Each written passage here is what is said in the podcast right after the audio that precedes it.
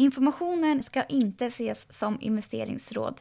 Tänk på att placeringar i värdepapper alltid medför en risk. Historisk avkastning är ingen garanti för framtida avkastning.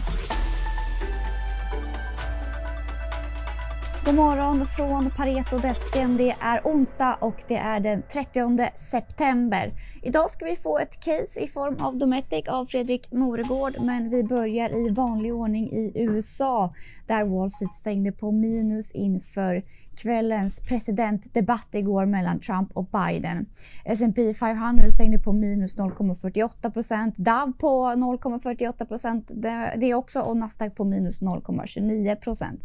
Och debatten ja, den blev minst sagt stökig. Jag var inte uppe själv i natt och följde debatten men den beskrivs som, en, eh, som ett gräl och som en pajkastning snarare än en debatt. Och Eh, Biden ska ha klarat sig rätt bra men Trump var den mest aggressiva debattören eh, här under natten. Och eh, jag, jag, tror vi får släppa debatten och följa vad som händer under dagen. Terminen pekar fortsatt ner.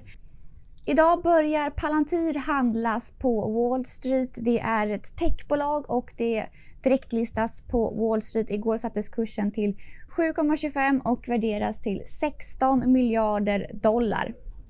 Disney avskedar 12% av deras anställda vilket motsvarar 28 000 anställda.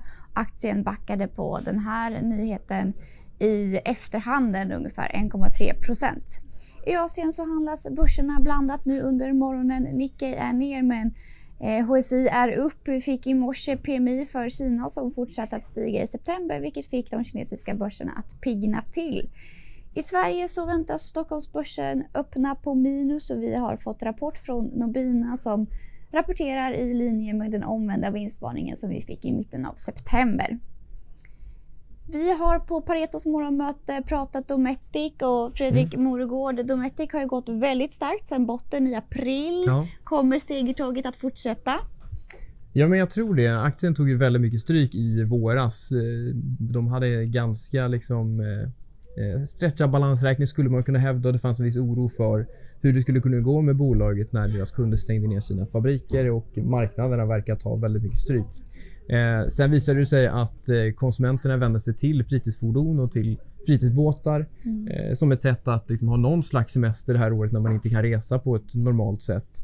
Eh, och eh, det kombinerat med att man haft mycket fabriksnedstängningar har lett till att återförsäljarnas lagernivåer har blivit otroligt låga. De har varit på, på ja, extremt låga nivåer helt enkelt och är det just nu. Eh, vi ser att det bäddar för ett väldigt starkt produktionsår för husbilar, husvagnar och även i, i viss mån då fritidsbåtar eh, under 2021. Och det borde driva en liksom, bra tillväxt för Dometic. Vi räknar med 17% organisk tillväxt nästa år för bolaget. Mm, hur har tillväxten varit nu under sommaren? Då? Har de kunnat sälja någonting eller har man var ju tillbaka på eh, en, en svag positiv tillväxt i juni mm. Eh, medan man hade eh, väldigt, väldigt jobbiga månader tidigare under Q2. Sen är det framförallt här under juli och augusti som vi har kunnat se i branschstatistiken att produktionsnivåerna har kommit upp rejält.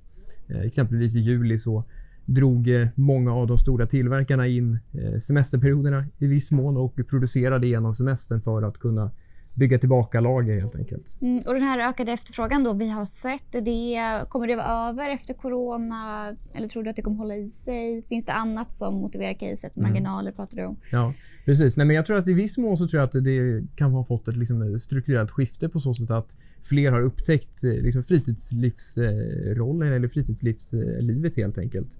Eh, och att det på så sätt bör kunna få, få en liksom, Eh, långsiktig tillväxtboost. Eh, mm. men utöver då som du sa, marginalerna är ju någonting som jag tycker är viktigt att hålla koll på det här bolaget. För att de har ju haft eh, ett, ett och ett halvt år av en väldigt tuff marknad mot sig, nästan två år. Eh, där man haft lagerjusteringar, man har liksom dragit ner på lagren i sina slutmarknader, slagit hårt på Dometics eh, försäljning.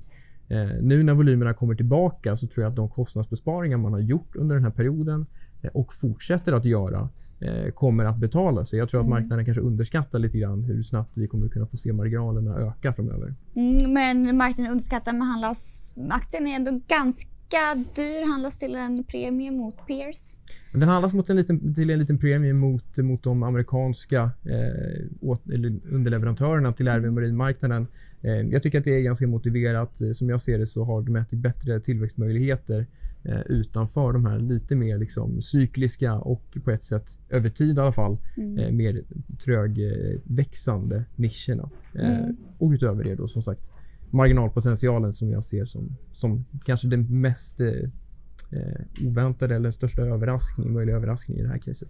Och det här är alltså anledningen till att du höjer riktkursen idag. Precis. Du höjer till mm. 125 mm. från tidigare 97. Ja, stämmer bra det. Vi mm. lyfter upp estimaten för 21 med eh, ungefär 8 på, på ebit och någonstans 4 för, för 22. Så lite mm. mindre effekter på lång sikt. Utan framförallt 21 är det som kommer bli ett väldigt starkt år för bolaget. Mm, positivt för Dometic med mm. andra ord. Tack så mycket för att ni har lyssnat idag. Missa inte att det kommer ut ett nytt poddavsnitt med Anna Svan som eh, pratar om den nya fonden Antelope Hedge hon har startat tillsammans med några Brummer-veteraner. Tack så mycket. Vi hörs imorgon.